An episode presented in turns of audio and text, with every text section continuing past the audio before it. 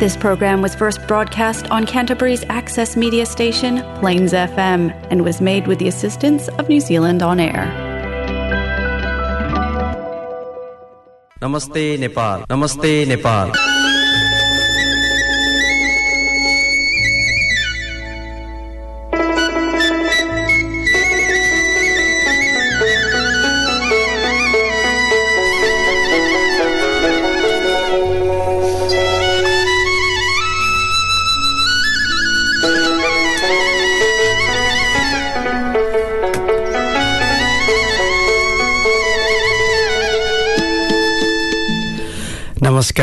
Nepal New Zealand Friendship Society क्यान्टबुरीको साप्ताहिक radio कार्यक्रम कार्यक्रम नमस्ते नेपाल सुन्दै बस्नुभएका सम्पूर्ण श्रोताहरूलाई सधैँ चाहिँ आजको कार्यक्रममा म विनोद हार्दिक स्वागत नमस्कार टक्राउँदछु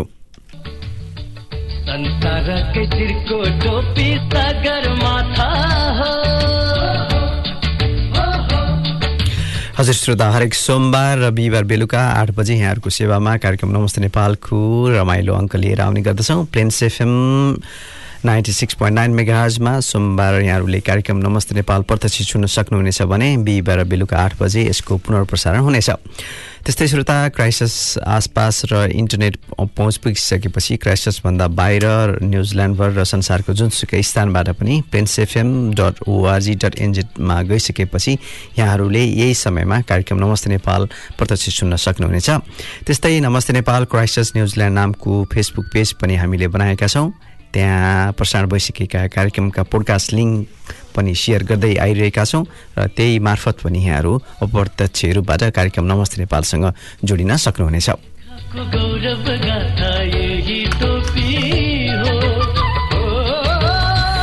हजुर श्रोता कस्तो हुनुहुन्छ? हप्ताको पहिलो दिनको समाप्ति सँगसँगै यहाँहरूको व्यस्तताका अलिकति विश्रामको समय पनि मिलिरहेको समयमा नेपाली गीत सङ्गीत अनि विषयवस्तु अनि कुराकानी समेटिएको कार्यक्रम नमस्ते नेपालको आजको यो पच्चिसदेखि तिस मिनटको यो रेडियो यात्रामा यहाँहरूको सधैँ जस्तो साथ सहयोग मिल्नेछ भन्ने अपेक्षा पनि लिएको छु। श्रोता यहाँहरूलाई थाहा भइसकेको छ नयाँ वर्ष सन् दुई हजार बाइसको सुरुवात हुँदै गर्दाखेरि हामीले नयाँ नेपाली वर्षको पनि तयारी गरिरहेका हुनेछौँ। त्यस्तै यसपालि पनि नेपाल न्युजिल्यान्ड फ्रेन्डसिप सोसाइटीले अप्रिल नौ तारिकको आसपासमा नेपाल यीहरूको नयाँ वर्ष विक्रमसम्म दुई हजार उनासीको वार्षिक कार्यक्रम गर्ने तयारी गरिरहेको छ। हुन त अब कोभिडको त्यो बेलासम्मको अवस्थालाई हेरेर साङ्गीतिक कार्यक्रम अनि भेटघाटको कार्यक्रमको सम्भव हुन्छ हुँदैन त्यसपछि नै निर्धारण हुन्छ। यद्यपि सोसाइटीको वार्षिक प्रकाशन नमस्ते म्यागजिन प्रकाशनको लागि सम्पादन टोलीले सम्पादकहरूको समूहको टोलीले सो पत्रिकाका लागि लेख्य सामग्रीहरूको आह्वान गरि नै सकेको छ। त्यसैले यहाँहरूले फेब्रुअरीको अन्तिम सातासम्म यहाँहरूका अनुभव अनुभूति लगायत आफू आफ्ना खुबी र क्षमतासम्मका लेख्य सामग्रीहरू सोसाइटीलाई परोक्ष रूपबाट र सम्पादन टोलीलाई प्रत्यक्ष रूपबाट पनि यहाँहरूले पठाउन सक्नुहुनेछ भन्ने यो निवेदन यहाँहरूलाई गरि नै सकेको छु। श्रोता अब सरस्वती घटनाक्रमलाई यदि हेर्ने हो भने न्युजिल्यान्डमा पेट्रोलियमको मूल्यको रेकर्ड पनि उच्च स्थानमा पुगेको यहाँहरूले थाहा पाइ नै सक्नु भएको छ। अब नाइन्टी फाइभ पेट्रोल त लगभग तिन डलरको आसपासमा पुगिसकेको छ। त्यस्तै श्रोता अब पानीको पनि लगातार पानी परिसकेपछि वर्षाको क्रम पनि रोकिएर अलिकति आज अलिकति न्यानो जस्तो भएको छ। अब साउथ आइल्यान्ड हामी बसिरहेको स्थानमा मौसम स्टेसनहरूले गत तिन दिनमा एक मिटरभन्दा वर्ष बढी वर्षाको मापन रेकर्ड गरेको खबर पनि आइ नै सकेको छ। जुन क्राइस्टर्सले पुरै वर्षमा हुने भन्दा बढी वर्षाको मापन थियो। क्राइस्टर्सको वार्षिक सामान्य वर्षाको मापन पाँच सय चौरानब्बे मिलिमिटर रहेकोमा यसपालि त्यो बढेर एक मिटरमा पुगेको थियो। त्यस्तै श्रोता नेपालतर्फको यदि कुरा गर्ने भने अमेरिकाको मिलेनियम च्यालेन्ज कर्पोरेसन एमसिसीको सम्झौताले पनि अहिले राजनीतिक क्षेत्रमा टाउको नै दुखाएको छ। र सो सम्झौता कार्यान्वयनका लागि आउँदो फेब्रुअरी अठाइसभित्र संसदबाट अनुमोदन गरिसक्नको लागि समा समय सीमा तोकिएको खबर पनि आइ नै सकेको छ। यदि संसदबाट अनुमोदन नभए नेपालसँगको एमसिसी सम्झौता रद्द गर्ने निर्णय निर्णय लिने जानकारी पनि सो कर्पोरेसनको तर्फबाट खबर आएको भन्ने खबर आइ नै सकेको छ अर्कोतर्फ एमसिसी मुख्यालयकी उपाध्यक्ष फातिमा उपाध्यक्ष फातिमा सुमारले सम्झौतामा कुनै संशोधन सम्भव नहुने समेत जनाएपछि राजनीतिक नेतृत्वमा रहेका केही नेतृ नेताहरूलाई भने अप्ठ्यारोमा पारेको छ। त्यस्तै श्रोता हिउँसँग खेलिरहेका र जडीबुटी टिप्ने क्रममा हिउँकै कारणले अप्ठ्यारोमा परेका नेपालीहरूको कथा पनि छ व्यथा पनि छ। त्यस्तै सामान्य कथा जस्तै लाग्ने हरेक खालका कथाहरूका प्रतिनिधि घटनाक्रमलाई पनि हामी उठाउने गर्दछौँ। यसै क्रममा गुल्मीकी एक स्वास्थ्य स्वयंसेविकाले कोरोना विरुद्धको खोप लगाउनका लागि एक वृद्धलाई बोकेर लैजाँदै गरेको तस्बिर केही समय अगाडि सामाजिक सञ्जालमा निकै नै चर्चा पाएको थियो। गत हप्ता गुल्मी दरबार गाउँपालिका वार्ड नम्बर तिन राजाघरकी स्वास्थ्य स्वयंसेविका लीला थापाले सोही गाउँपालिका वार्ड नम्बर तिन पुर्खेकी उना अठहत्तर वर्षीय देवकला टन्डनलाई बोकेर खोप लगाउन लागेपछि सामाजिक सामाजिक सञ्जालमा चर्चा आएको थियो भने सो सी ती स्वयंसेविकालाई प्रशंसाहरू गरिएका धेरै कमेन्टहरू अनि भावहरू पनि आइ नै सकेको थियो। त्यस्तै श्रोता अब न्युजिल्यान्डकै कुरा गर्दाखेरि चिनको राजधानी बेजिङमा भइरहेको विन्टर ओलम्पिकमा महिला स्लोप स्टाइल सो स्नोबोर्डतर्फको फाइनलमा आफ्नो इतिहास रच्ने प्रदर्शनपछि जोई सडोस्की सिनोटले न्युजिल्यान्डको लागि पहिलो पटक स्वर्ण पदक जितेकी छन्। यसरी विन्टर ओलम्पिकमै न्युजिल्यान्डले पहिलो पटक स्वर्ण पदक जितेको यी खबरका साथसाथै मिक्स मार्क्सको यी खबरहरू सँगसँगै आजको कार्यक्रम नमस्ते नेपालको यो सुरुवातमा यहाँहरूलाई मैले स्वागत गरि नै सकेको छु। आजको कार्यक्रमको सुरुवातमा यहाँहरूले पनि थाहा पाइ नै सक्नुभएको छ। गायिका लता मङ्गेशकरको मङ्गेशकरको अवसान भएको छ। यो दुःखद खबरको साथसाथै म उनीसँग जोडिएको प्रसङ्ग पनि जोड्नेछु। अहिले नै भने उनैले गाएको एउटा गीत यहाँहरूको लागि प्रस्तुत गर्दैछु।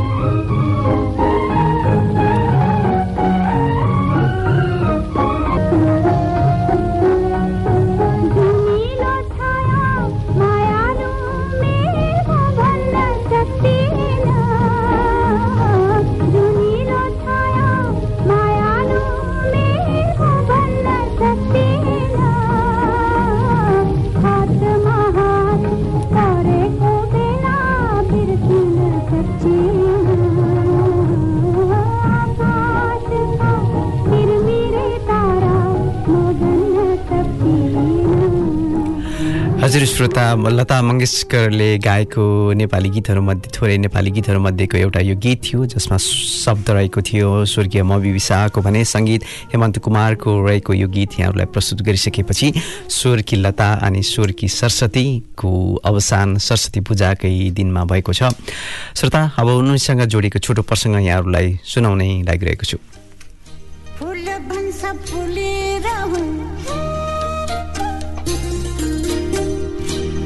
जुन भन्छ चम्केर फुल भन्छ फुलेर जुन भन्छ चम्केर मन्त भन्छ सबैसँग माया मोह राखिरहनु बाँचुन्जेलीलाई हजुर श्रोता माया अनि सद्भाव अनि हरेक किसिमका सम्मानहरू आदर सरकारका सबै कुराहरू सम्भव हुन्छन्। ती कुराहरू बाँचुन्जेलसम्मका लागि हुन्छ र यी यस्तै कुराहरू भावहरू प्रस्तुत भएको यो गीतमा आवाज र दिएकी स्वरकी धनी अनि स्वरकी साम्राज्ञी पनि भनेर बुझिन्छ। गायिका लता मङ्गेशकरको बयानब्बे वर्षको उमेरमा निधन भएको छ। जनवरी आठ तारिकमा कोरोना र निमोनिया भएपछि लता मङ्गेशकरलाई उन्तिस दिनसम्म अस्पतालको आइसियुमा उपचार गराइएको थियो। लतालाई भारतमा स्वर कोकिला दिदी र ताई जस्ता उपनामले पनि बोलाइन्छ। लता दुई वर्षसम्म घरबाट बाहिर निस्किएकी थिइनन्। उनी सामाजिक सञ्जालको माध्यमबाट आफ्ना फ्यानहरूसँग अन्तर्क्रिया त गर्थिन् तर कोरोनाको कहर सुरु भएपछि उनी घरभित्र आराम गरेर बसिरहेकी थिइन्। उनको घरमा काम गर्ने एकजना कर्मचारीलाई कोरोना सङ्क्रमण भएपछि लतालाई गत जनवरी आठ तारिकको महामारीलाई छोएको विश्वास गरिन्छ। त्यही महामारीकै कारण विश्वकै लोकप्रिय गायिकाले सरस्वती पूजाको दिनमा यो धरतीलाई छाडेर विदा भइन्। श्रोता छत्तिस भाषामा पचास हजारभन्दा बढी गीत रेकर्ड गराएकी लता मङ्गेशकरका ती सुमधुर आवाजहरू अब ती आवाजहरूमै सीमित रहेका छन् भने उनको पार्थिव शरीरले यो संसारलाई छोडेर गएको छ। उनी एक एक गीतका शब्दहरूमा एक एक भावमा उनी हामीलाई गजगचाइरहनेछन् उनी त्यही गीत मार्फत र यी सङ्गीतका धुनहरू मार्फत उनी जीवित रहिरहनेछन्। उनले एक हजारभन्दा बढी भारतीय चलचित्र र अन्य चलचित्रहरूमा पनि गीत गाई समय गाइसकेकी रहेछन्। सन् उन्नाइस सय साठीदेखि सन् दुई हजारको कालखण्डमा निर्माण भएका अधिकांश चलचित्रमा लताको स्वर समावेश हुन्थ्यो। उनको स्वर बिना त चलचित्रका गीतहरू अपुरो नै हुन्थे। उनले सन् दुई हजार पन्ध्रमा रिलिज भएको डुन्नो बोयमा अन्तिम गीत गाएकी रहेछन्। लता मङ्गेशकर असी वर्षसम्म गीत सङ्गीतमा सक्रिय रूपबाट लागेकी थिइन्। सन् उन्नाइस सय उन्तिस सेप्टेम्बर उन्तिस तारिकमा मध्य प्रदेशको इन्दोरमा जन्मिएकी लताले तेह्र सालबाट गीत गाउन थालेकी थिइन्। लताका तीन बहिनीहरू आशा भोसले उषा मङ्गेशकर मिना मस्क मङ मिना मङ्गेशकर र भाइ हृदयनाथ मङ मङ्गेशकर छन्। श्रोता यसरी कार्यक्रम नमस्ते नेपालमा स्वरकी धनी यी भारतीय गायिका प्रख्यात गायिका लता मङ्गेशकरको अवसान भएको यो दुःखद खबर पनि यहाँहरूसँग जोडिनै सकेको छु। त्यसपछि श्रोता हरेक कुराहरू अब यो गीत सङ्गीतको कुरा भयो राजनीतिको कुराहरू पनि हामीले जोड्नु नै पर्ने हुन्छ। नेपालमा विशेष गरी राजनीतिको परिवेशमा पर्नेहरूलाई त अप्ठ्यारो अप्ठ्यारो पर्ने खालका कामहरू गरिरहेको आभास गरिन्छ। एकपछि अर्को जानी जानी तर त्यसको आसपासमा सचेत बनाउन उभिने क्षेत्र व्यक्तित्वहरू समुदायहरू पनि खासै त्यसतर्फ आफ्नो जिम्मेवारी वहन गर्न नसकेको हो कि भन्ने अवस्थामा पनि छन्। त्यसैको प्रसङ्ग यहाँ यहाँहरूलाई उठाउन चाहेको छु। र ती समुदाय र ती व्यक्तित्वहरूमध्ये पत्रकारिता र त्यसमा कार्यरत पत्रकारहरू पनि हुन् जसको राजनीतिक संलग्नताले नै राजनीति सचिने भन्दा पनि अप्ठ्यारोमाथि अप्ठ्यारोमा फस्दै गएको अनुभव पनि भइ नै रहेको छ। श्रोता बढ्दो राजनीतिक संलग्नता नेपालका बहुसङ्ख्यक पत्रकार कुनै न कुनै राजनीतिक दल वा तिनको भातृ सङ्गठनमा संलग्न छन् भन्ने कुरा अब लुकिएको छैन। हामीले सजै सु- स्वीकार्नुपर्ने अवस्था छ। यस्तो संलग्न पत्रकारिताको पेसागत मर्यादा र मापदण्डको प्रतिकूल पनि छ। पत्रकारको आवरणमा राजनीतिक लाभ लिन आएका व्यक्तिहरूले एकातिर समग्र पत्रकारिता पेसालाई बदनाम गराउँछन् भने अर्कोतर्फ एक पक्षीय अपूर्ण भार भ्रामक साम समाचार उत्पादन एवं वितरण गर्नाले त्यस्ता पत्रकारले आफैमाथि पनि जोखिम न्यू न्यूनताउँछन् गत वर्ष भएका विभिन्न राजनीतिक दलका महाधिवेशनमा नेपाली पत्रकारहरूको संलग्नतालाई प्रत्यक्ष रूपबाट हेर्न सकिने अवस्था छ। सयौँ पत्रकार एवं पत्रकार महासङ्घमा निर्वाचित दर्जनौँ पदाधिकारीहरू विभिन्न दलको महाधिवेशन प्रतिनिधि जिल्ला प्रदेश वा भनौँ केन्द्रीय सदस्य लगायतमा उम्मेदवार दिएर निर्वाचनमा सहभागी भएका थिए। यसरी पत्रकारहरूले राजनीतिक दलको कार्यकर्ताको रूपबाट राजनीतिमा संलग्नता हुँदा राजनीतिक दलहरूलाई अलिकति सचेत बनाउने पत्रकारित संहितालाई जसलाई राज्यको चौथो अङ्ग भनिन्छ त्यसको भूमिका पनि सशङ्कित हुँदै गएको महसुस गर्न सकिन्छ। यसैको प्रसङ्ग मैले यहाँहरूलाई जोडिन सकेको छु।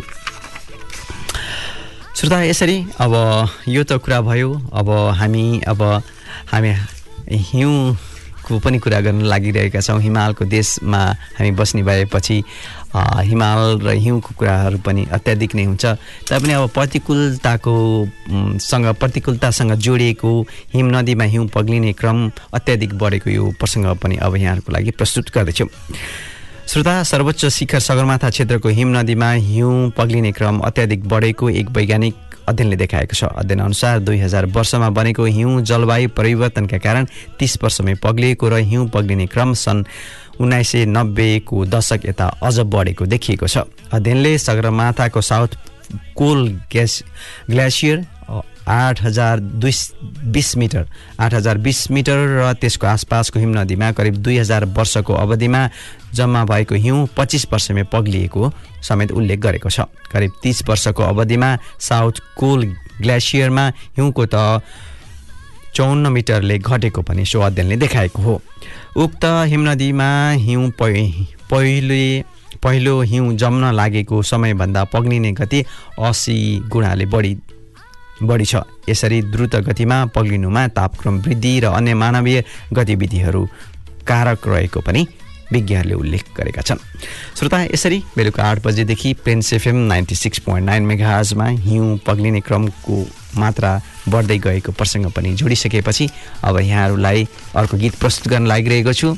मैले लता मङ्गेशकरको अ, चर्चा गरि नै सकेको छु। उनको दुःखद अवसानको अब उनैले गाएको यो रामकृष्ण ढकालसँगको दुईट आवाज अब यहाँको लागि प्रस्तुत गर्दैछु। फुल भन्छ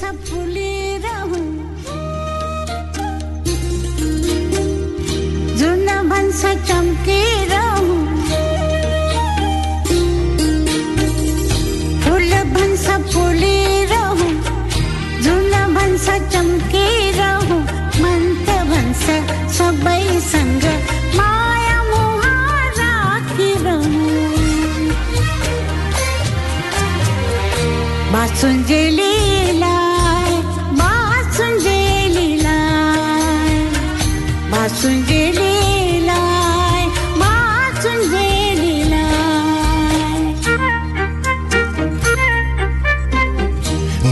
भन्छ बगिरहँ। सृष्टि भन्छ चलिरहँ। नदी भन्छ बगिरहँ। सृष्टि भन्छ चलिरहँ। मन त भन्छ सबैसँग। माया मोह राखिरहँ। बाँचुन्जेलीलाई बाँचुन्जेलीलाई बासुन्जेलीलाई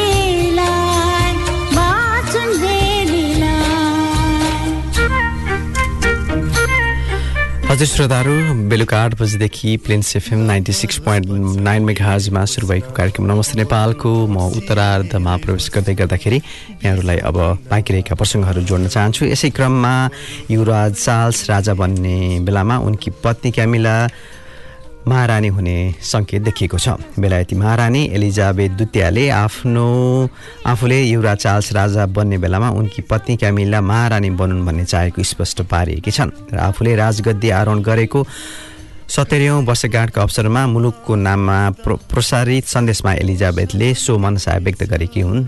भन्ने खबर बाहिर आइ नै सकेको छ यसअघिसम्म क्यामिलालाई युवराजकी पत्नीको मात्रामा परिचय दिने अनुमान गरिएको थियो तर एलिजाबेथको यस औपचारिक घोषणापछि अब उनी बेलायतको भावी महारानी बन्ने निश्चित भएको खबर छ। श्रोता यो पछि अब यस हप्ता परेका विशेष दिनहरूको विषयमा पनि चर्चा गर्दै गर्दाखेरि नौ फेब्रुअरीमा सुरक्षित इन्टरनेट दिवस परेको छ। इन्टरनेट सम्बन्धी लत अनलाइन दुर्व्यवहार यौन दुर्व्यवहार तथा शोषण cyber bullying phishing online game सम्बन्धी लतबाट बालबालिका तथा युवावर्गलाई सुरक्षित गर्नका लागि इन्टरनेट तथा डिजिटल सामग्रीको सुरक्षित प्रयोग सम्बन्धी चेतना जगाउन एवं डिजिटल साक्षरता गर्न पनि फेब्रुअरी नौमा मनाइने सुरक्षित इन्टरनेट दिवसको को विशेष महत्त्व मानिन्छ? कोरोनाको त्रासका कारण विश्व मानचित्रमा अहिले मानवीय आगमन र भौतिक भेटघाट कम भइरहेको बेलामा प्रविधि र विशेषतः इन्टरनेटको प्रयोग बढेर गएको बेलामा यसतर्फको सचेतता हुन पनि स्वाभाविक मानिन्छ। र यसै क्रममा न्युजिल्यान्डमा रहेको एउटा ब्याङ्क बेएनजेडले आफ्ना ग्राहकहरूलाई उनीहरूसँग लक्षित गरेको ट्याक्स स्क्यामको बारेमा पनि सतर्क सतर्क रहन आग्रह गरेको खबर पनि यसैसँग जोडेर हेर्नुपर्छ। त्यस्तै फेब्रुअरी एघार तारिकमा विज्ञानमा महिलाहरूको पहुँचको अन्तर्राष्ट्रिय दिवस पनि मनाइन्छ। आधुनिक विज्ञानमा विज्ञान र प्रविधि अनि नवप्रवर्तनमा नव प्रवर्तनमा महिलाहरूको योगदानको कदर गर्ने विशेष उद्देश्यका साथ फेब्रुअरी एघारमा यो देश मनाइ यो दिवस मनाइन्छ। अहिलेको अवस्थामा विश्वभरका वैज्ञानिक अध्ययन अनुसन्धान गर्ने व्यक्तिहरूमा तिस प्रतिशतभन्दा कम महिलाहरूको संलग्नता रहेको पाइन्छ। त्यस्तै श्रोता रेडियोसँग जोडिएको फेब्रुअरी तेह्रमा रेडियो दिवस परेको छ। विश्वमा व्यावसायिक रेडियो प्रसारण सुरु भएको छ्यानब्बे वर्ष भइ नै सकेको छ। त्यसैले अब नेपालमा विक्रम सम्बत दुई हजार तिन सालमा रेडियोको प्रसारण सुरु भए पनि औपचारिक रूपमा भने रेडियो नेपालको स्थापना सँगसँगै दुई हजार सात साल चैत्र बिस गतिदेखि रेडियो सञ्चालन भएको मानिन्छ। र सन् अब विक्रम उन दुई हजार उनपचासमा कानुनी रूपमा व्यवस्था गरिसकेपछि नेपालमा पनि दुई हजार बाहन्न सालदेखि रेडियो नेपालले एफएम प्रसारण सुरु गरे। यता हाल एफएम रेडियोको सङ्ख्या बिस्तारै विस्तार भई अहिले देशका सबैजसो जिल्लामा एफएम रेडियो स्थापना भइसकेका छन् भने अधिकांश जिल्लामा आधा दर्जनभन्दा बढी एफएम स्टेसनहरू सञ्चालनमा आइरहेका छन्।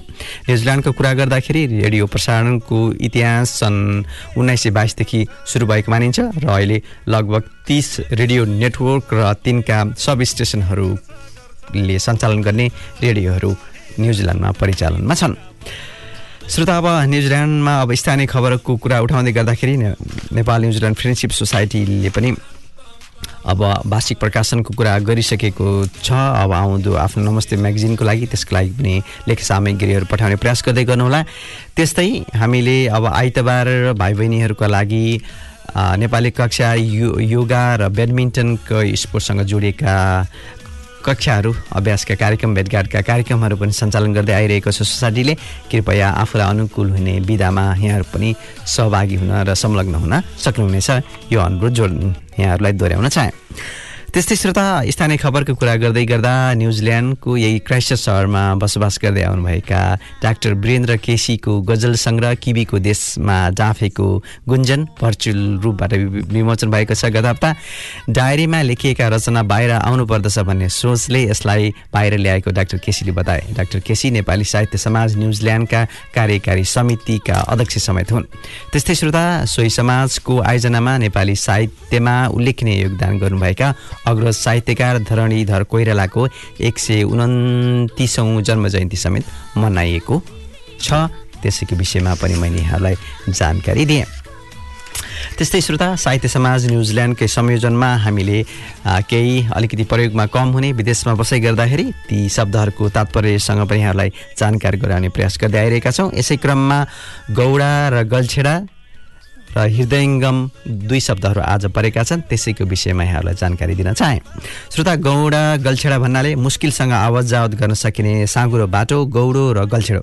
समाधान वा निर्णयमा पुग्न अप्ठ्यारो पर्ने समस्यालाई पनि गौडा र गल्छेडा भनेर बुझिन्छ। हृदयङ्गम भन्नाले हृदयमा राम्रोसँग घुसेको वा बोध भएको मर्मलाई छुने घतलाग्दो र मर्मस्पर्शी कुरालाई पनि हृदयङ्गम भनेर भनिँदो रहेछ।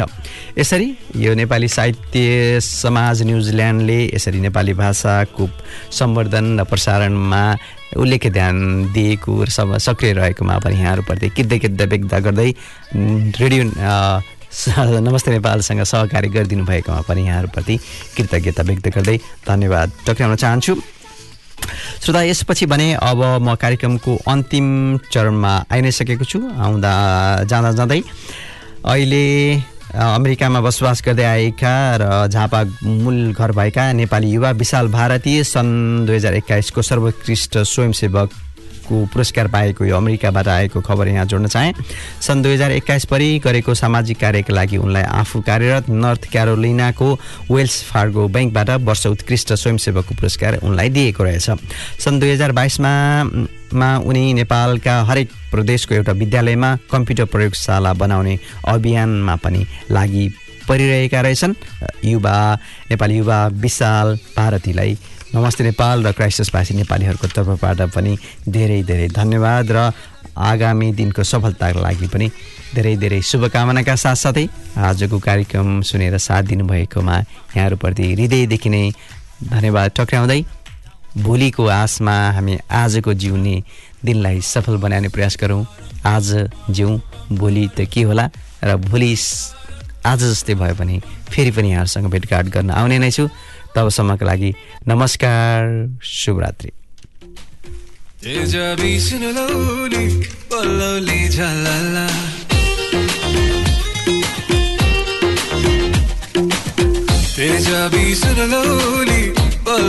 झलला। फेरि देउला कलर। रुपियाँ इनकम छ रुपियाँ होइन माया इनकम छ डलर मुटु चामल छैन होला थक्लाउँछौ खिर।